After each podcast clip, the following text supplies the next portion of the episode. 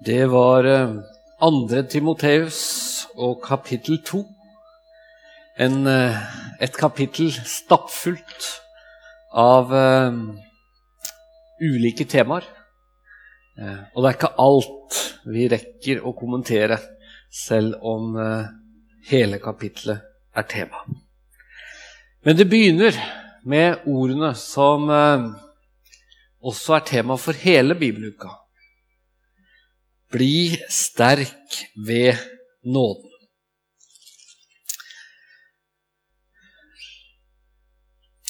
Og det var nok en oppfordring som Timoteus trengte i ekstra stor grad. Det er veldig mye som tyder på, ut ifra det vi kan lese i 1. Timoteus brev og i 2. Timoteus brev, at Timoteus var en litt sjenert og forsiktig person.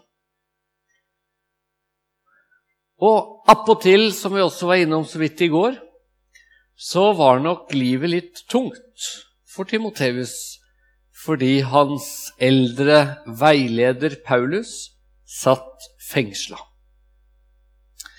Og I går så leste vi også at Paulus får oppfordringen om, at Timoteus får oppfordringen om å ikke skamme seg over Paulus, som sitter i lenker. Han får oppfordringen om å ikke være motløs og så kommer Paulus tilbake til litt av det samme her.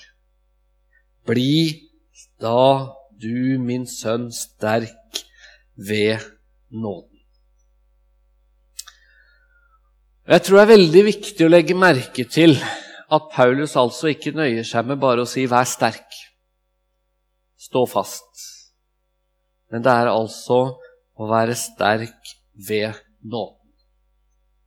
For det er faktisk slik at uansett hvor mye vi som kristne vokser i vårt kristenliv, uansett hvor eh, from og god du skulle være, og jeg skulle være, uansett så er det nåden som gjør oss særlig sterke. For på ett vis så er vi ingenting i oss selv. Heller ikke om vi har levd lenge med Gud.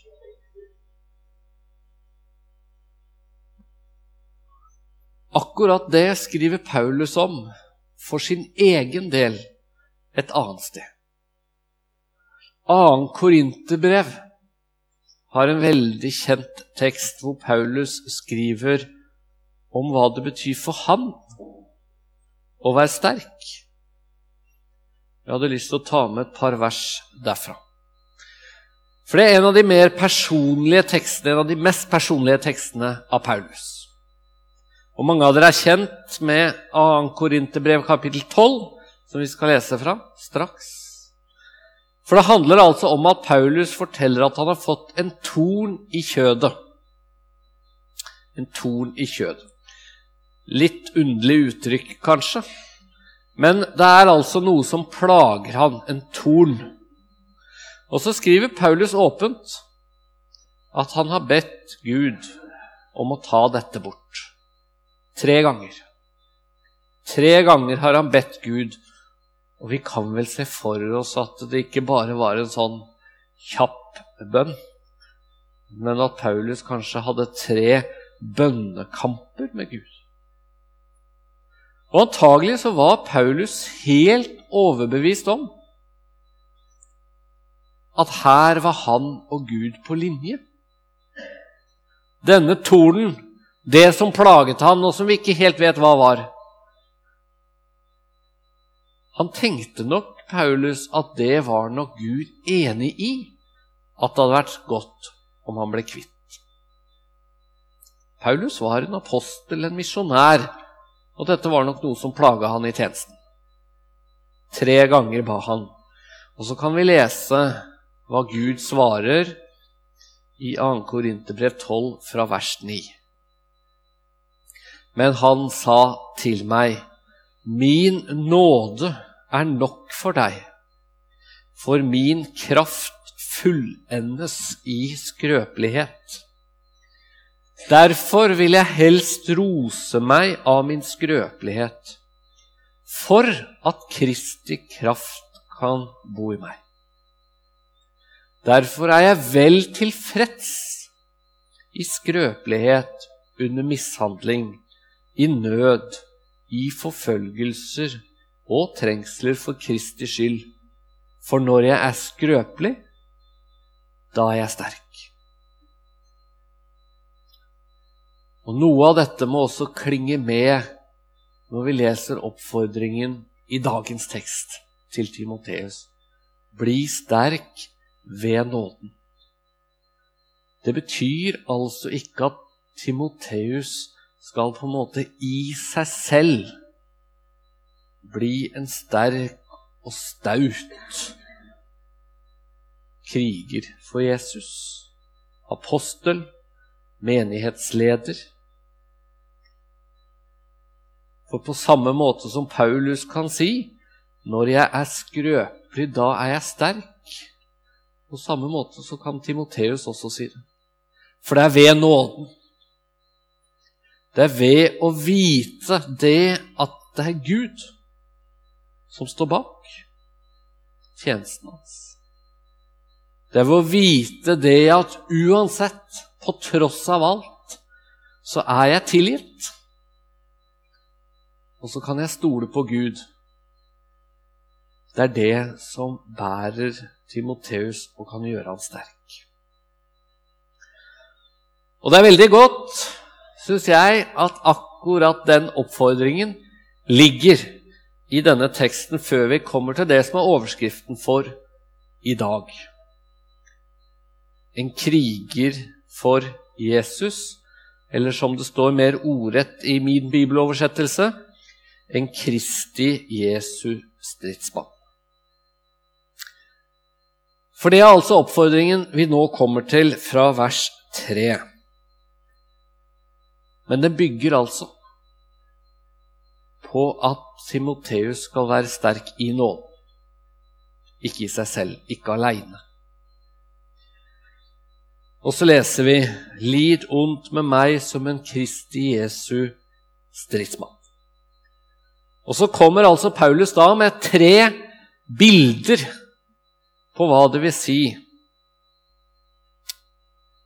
å tjene Gud, å leve for Gud. Et eksempel når det gjelder altså å være som en soldat. Ingen som gjør krigstjeneste, blander seg inn i dagliglivets sysler, for han vil gjøre sin hærfører til laks. Det er det ene eksempelet. Og neste eksempel det er idrettsutøveren. Og den som kjemper på idrettsbanen, får ikke seierskransen uten at han følger reglene. Og siste eksempel fra bondelivet.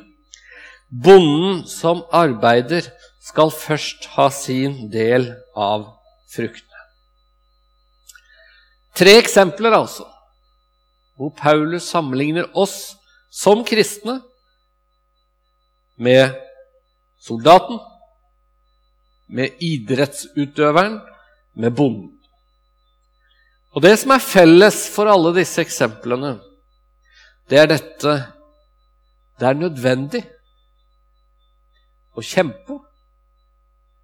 Det er nødvendig å arbeide. Det er nødvendig å trene eller stå på. Og Vi møter altså idrettsutøveren, soldaten og bonden som, som forbilder for hvordan vi skal tenke om det å være kristen.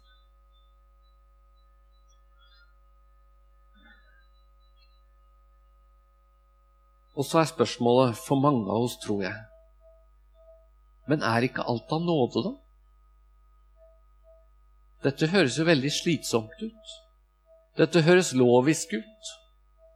At vi skal være som en kriger eller som en bonde eller som en idrettsutøver. Og Jeg tror det er viktig å skille mellom det å være lovisk og det å være opptatt av at kristenlivet også handler om disiplin.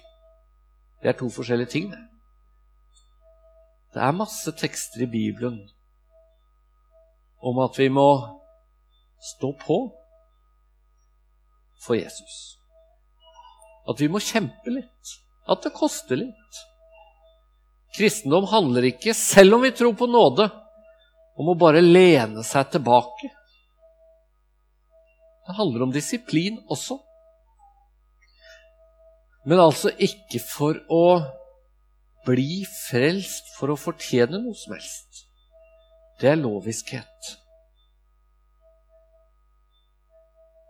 Men fordi det å leve som en synder i syndens verden innebærer ikke at det er lettvint å følge etter Jesus. Og Jeg syns det kan være en hjelp å huske på følgende Gud har gjort det enkelt for deg og meg å bli frelst. For det er altså bare nåde. Men det å ta imot den nåden og leve i den nåden, det er ikke bare enkelt.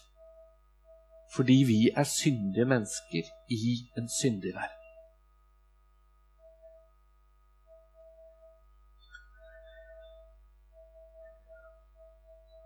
Det kanskje mest provoserende bildet, og det som er et særlig tema i dag, handler om det å være kriger.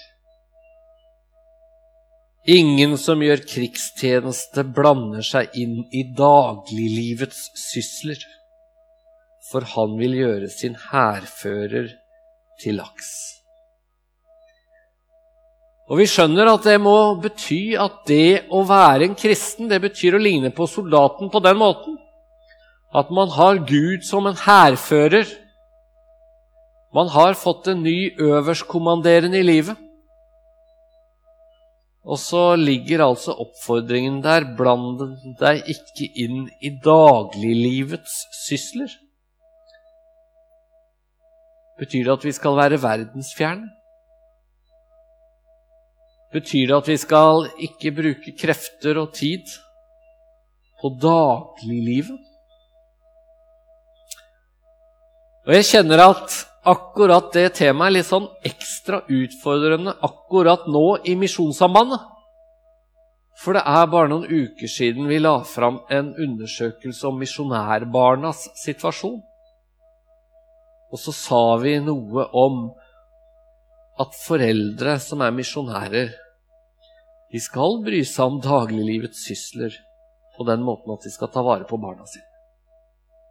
Det kan ikke være rett at barna skal gå for lut og kaldt vann fordi foreldrene er misjonærer. Det kan ikke være rett at barna blir skilt fra foreldrene og må klare seg uten foreldrene fra de er seks-syv år, slik det har vært.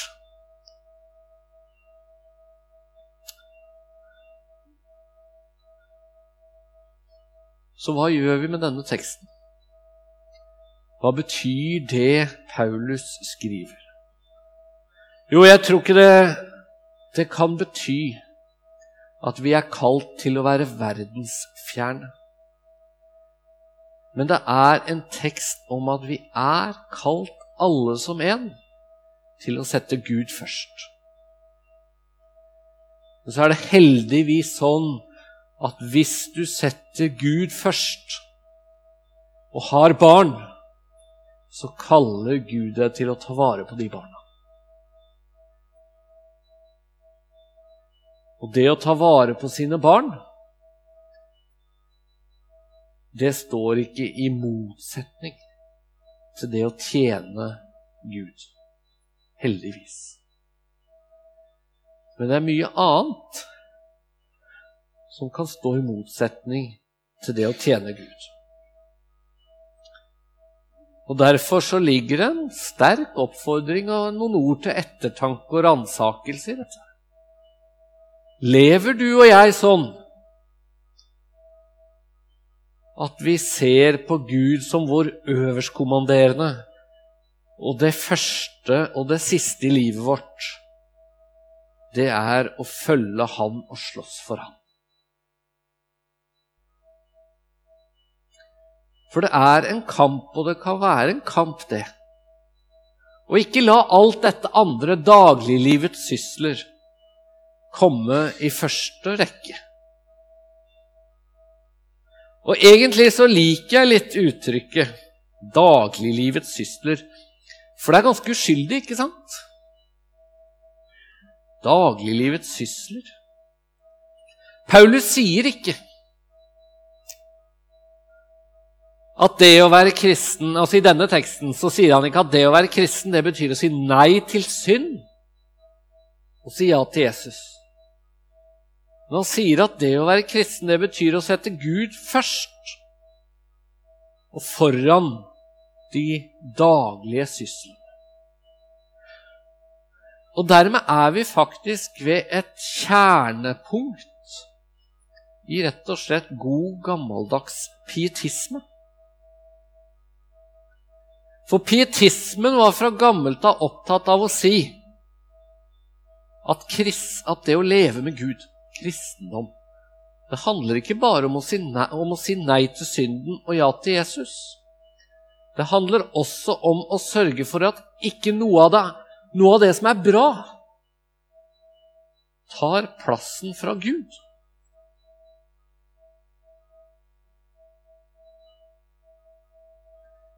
For vi skal først søke Guds rike, som Jesus sier, og hans rettferdighet. Så skal dere få alt dette i tillegg.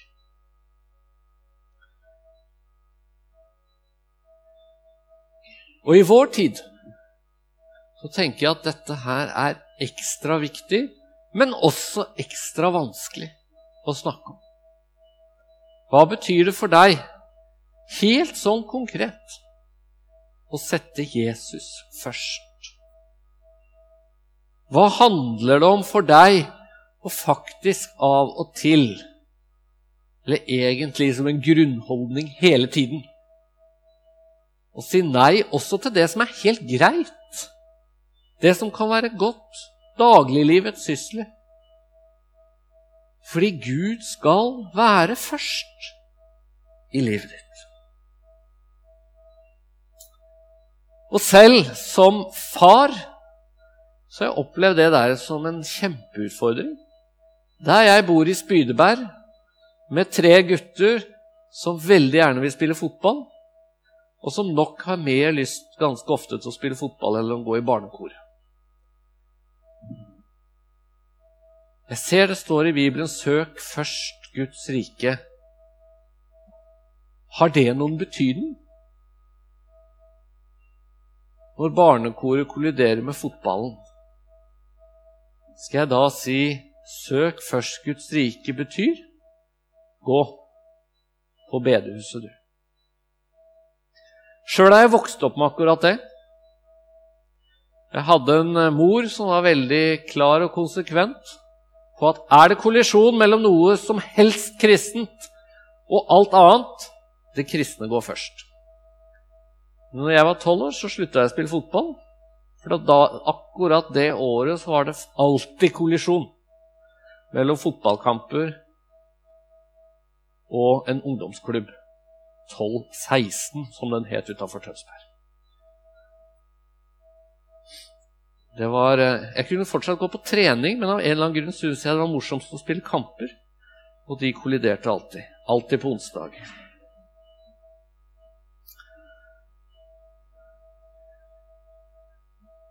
Jeg har ikke gjort det helt på samme måte sjøl. For mine barn. Vi har prøvd å være litt mer sånn fleksible. Litt annenhver gang.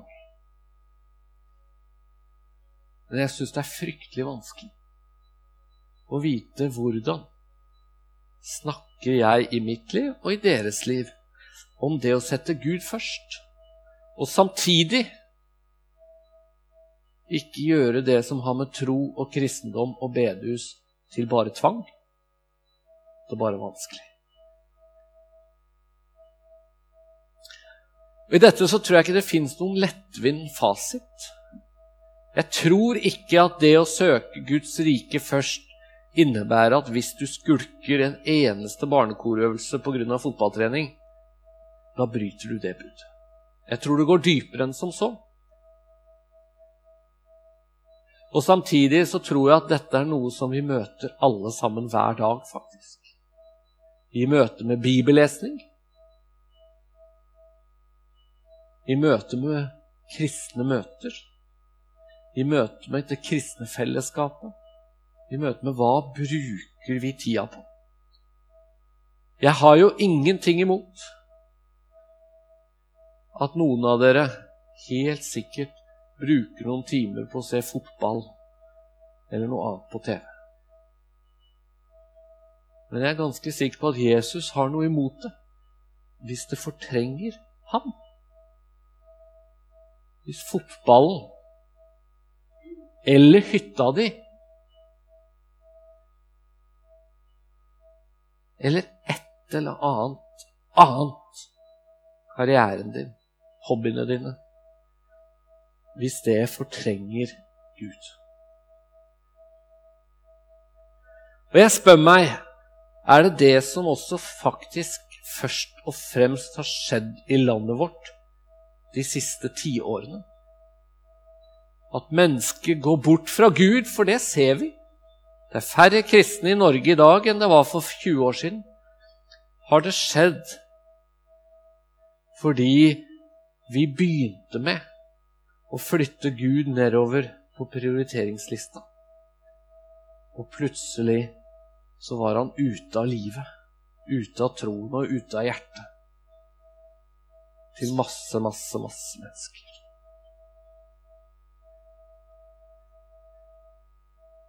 Men som sagt, det er en balanse her. Fordi at vi skal ikke være så firkanta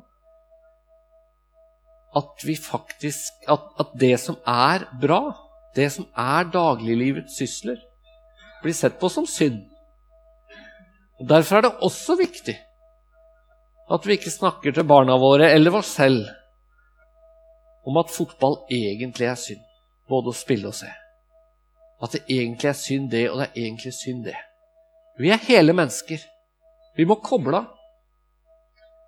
Og alt det Gud har skapt, skal vi glede oss over.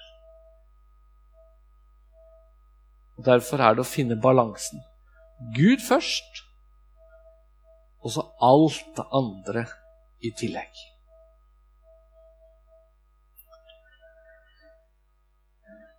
Paulus skriver altså at vi skal være krigere. Vi skal ligne litt på soldaten.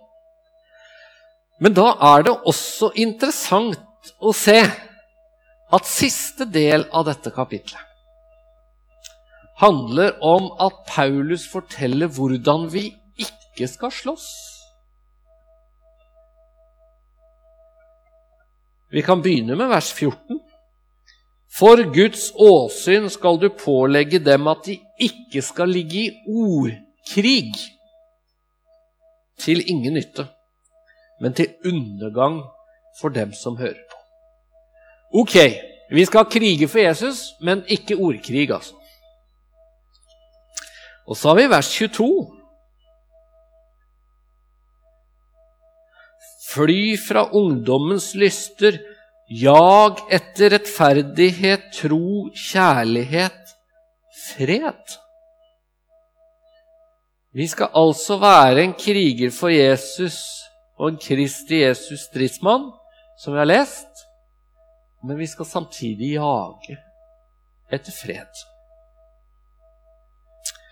Og i vers 23 og 24.: Vis fra deg de tåpelige og uforstandige stridsspørsmål, for du vet at de føder strid. En Herrens tjener må ikke ligge i strid, men være vennlig mot alle. Det er altså veldig viktig å være bevisst på hvilke kamper vi tar. Eller for å si det på en annen måte hvordan vi slåss for Jesus.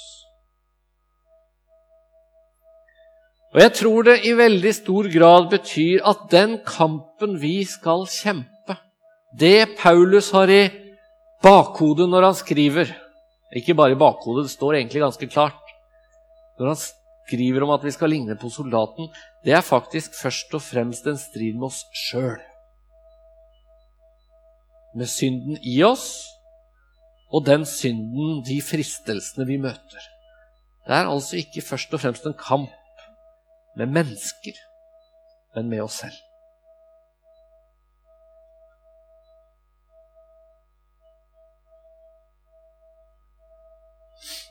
Og den striden som vi kjemper med, mot alt det som står Gud imot, alt det som er imot Guds vilje, den skal altså ikke innebære at vi slutter å tjene andre mennesker. Det er på en måte en slags oppsummering av siste del av kapittel 2. I morgen er temaet motstand, så da må vi snakke mer om litt av dette vi nå bare så vidt berører. Og Da skal vi snakke litt om at eh, vi må være forberedt som kristne på motstand, forfølgelse. Jesus sa det sånn 'Verden vil hate dere'. Det er jo klare ord. Og det betyr at, at det å kjempe for sannheten, det er litt sånn ekstra vanskelig, det. Fordi vi skal altså gjøre det i en verden hvor vi må være forberedt på å møte hat. Så har jeg tenkt litt på hva slags fristelser møter vi som kristne når vi skal kjempe for Jesus i en verden som hater oss. Og jeg tenker at det er to fristelser som vi møter. Og den ene er jo opplagt. Det er fristende å dempe ned det som provoserer.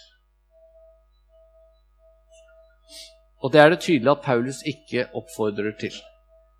Stå fast, vær sterk, for Timoteus beskjed. Men det er fristende.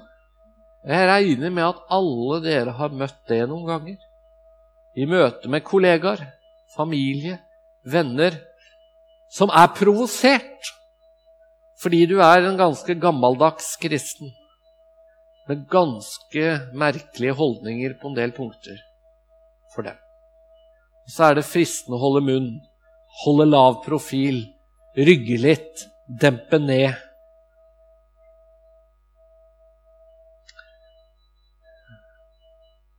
Og det blir vel en fristelse som øker motstanden øker mot bibelsk kristendom, slik jeg opplever det i vår tid. Og det er ekstra vanskelig når mennesker du faktisk liker godt, synes at det du tror på, er helt bak mål. Har du opplevd det?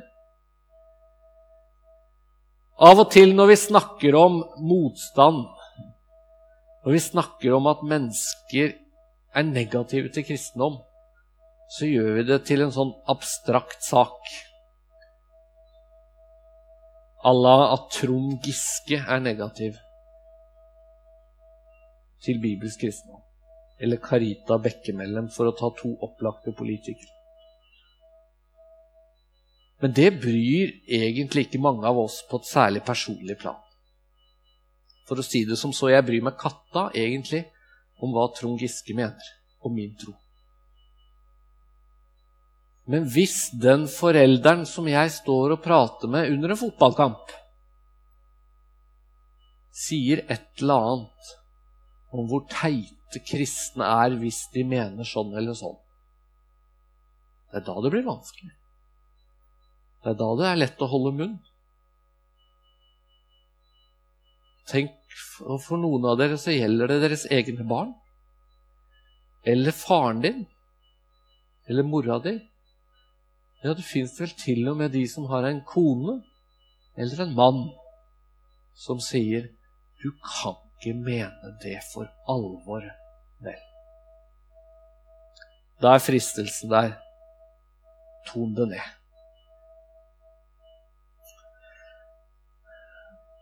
Det er den ene fristelsen. Den andre den er litt mindre opplagt, men den er der. For hvordan er det egentlig naturlig at et menneske møter hat? Verden vil hate dere, sier altså Jesus. Og hvis vi opplever det Heldigvis gjør vi jo ikke det hele tiden. Men hvis vi opplever det at det er noen som virkelig forakter det vi står for, hva er naturlig? Jo, det naturlige er jo egentlig isolasjon. Og det at vi lukker oss inne og blir sinte og frustrerte og lei oss. Men så sier altså Bibelen at den verden som hater oss, og som får oss til enten å få lyst til å dempe oss ned, eller bare liksom lukke oss inn i en boble, gå på Salem, kanskje For her er det litt tryggere enn utenfor. Den verden skal vi altså elske og tjene. Og det er noe av det som ligger veldig sterkt også i denne teksten. Når Paulus sier at en Herrens tjener må ikke ligge i strid. Han må være vennlig mot alle, i stand til å lære andre, villig til å tåle ondt. Med saktmodighet skal han tilrettevise dem som sier imot. Hvorfor skriver Paulus dette? Hvorfor er det så viktig for han at vi ikke ligger i ordkrig? At vi ikke slåss med andre mennesker? At vi er saktmodige av alle ting når vi skal si det vi mener? Jo, som det står i vers 25 mot slutten Om Gud da kunne gi dem omvendelse, så de kunne kjenne sannheten. Og Det betyr altså at det å være en kriger for Jesus, det betyr å krige med sånne våpen som gjør at målet vårt er at de skal bli frelst, at de skal bli omvendt. Og det er faktisk ikke så veldig lettvint. Fordi det naturlige for oss når vi møtes av forakt, motstand, forfølgelse av og til Det naturlige for oss er å enten ligge lavt eller slå tilbake. Og så sier Paulus at det vi skal, er å elske disse som hater oss. Vis med saktmodighet tilrettevise dem, sånn at de kanskje kan bli frelst. Og Jeg har litt lyst til å avslutte akkurat dette punktet med å sammenligne oss kristne med hunder. Og det eh, er litt risikofylt, for jeg kan ikke fordra hunder. Eh, men jeg har en veldig god kamerat som har en hund som heter Unni. Eh, og så har jeg oppdaget at hver gang jeg er på besøk hos han og møter Unni, da kommer Unni løpende, blid og glad bort til meg. Og det til tross for at jeg stort sett aldri har rørt den bikkja. Kosten faller meg ikke inn. Eh, og, og, jeg sier stort sett at 'nei og nei, lever du enda'? og sånn.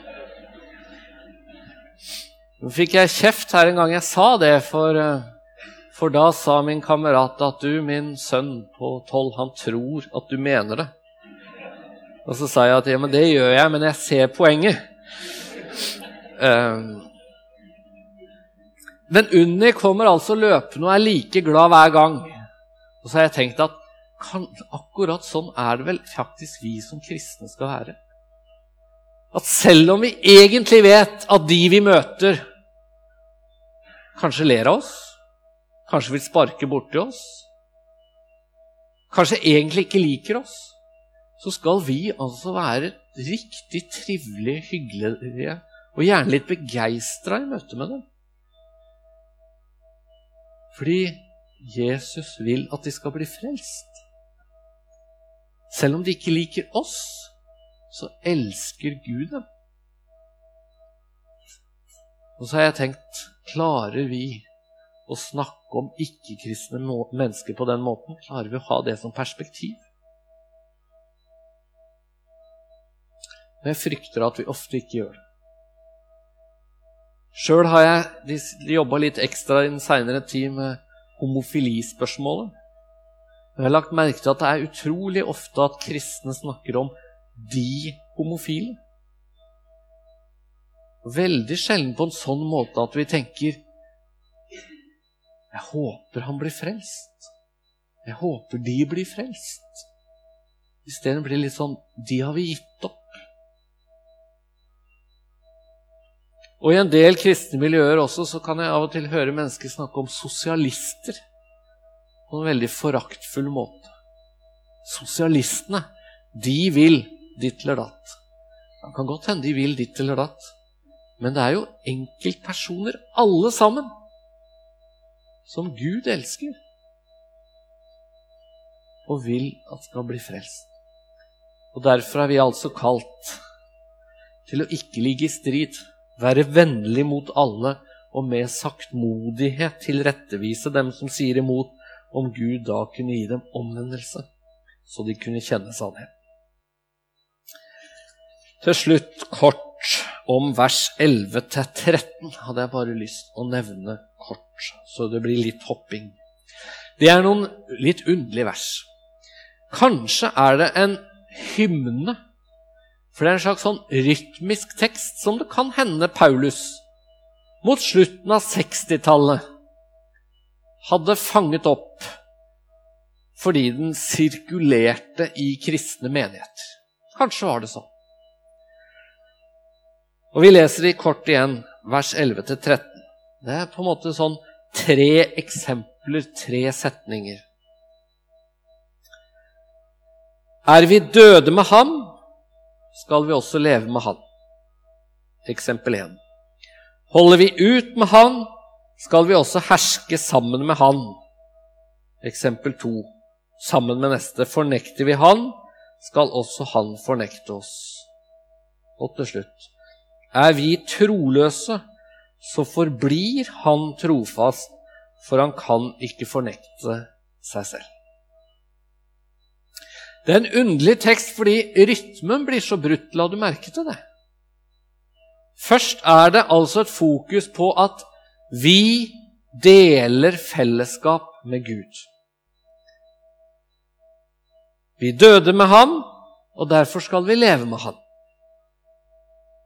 Holder vi ut med han, skal vi herske med han. Fornekter vi han, så vil han fornekte oss. Fellesskapet med Gud. Positivt og negativt. Og så plutselig snur det i siste eksempel. Er vi troløse, så forblir han trofast. For han kan ikke fornekte seg selv. Og Det er egentlig et veldig godt, god, godt bilde på hva det vil si å være en kristen. Som kristen så er vi forenet i et fellesskap med Gud. Og det kan vi trekke oss ut av. Fornekter vi Gud, så vil Han fornekte oss, for Gud tvinger ingen til frelse.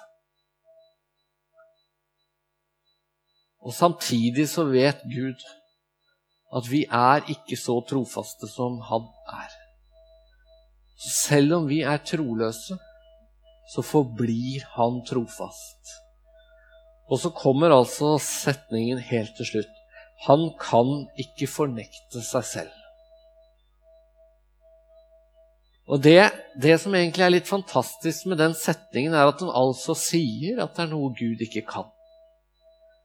Og det er ikke noe deprimerende med det. Det er et fantastisk budskap om Guds kjærlighet i den setningen. For Gud har altså bestemt seg for at det er noe han ikke kan. Det betyr at det å tro på en allmektig Gud som vi gjør, det er ingen sånn matematisk allmakt.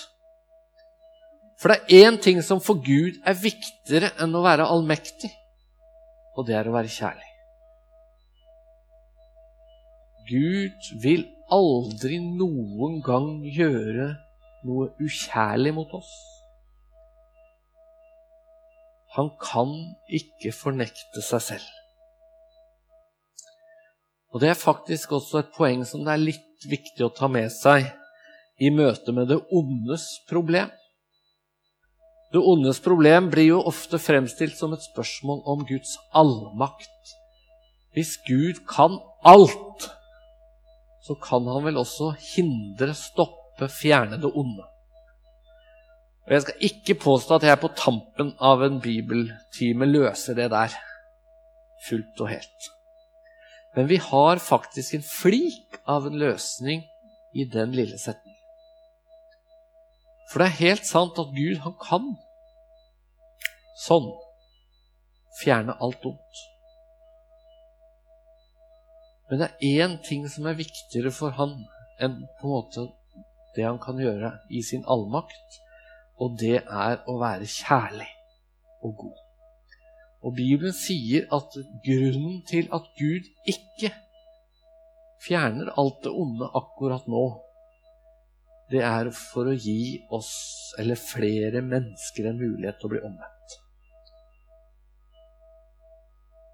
Og dette her er ikke mulig helt å forstå, sånn fullt og helt. Det ondes problem er for stort. Men det er altså slik at hvis Gud skulle fjerne alt det onde akkurat nå,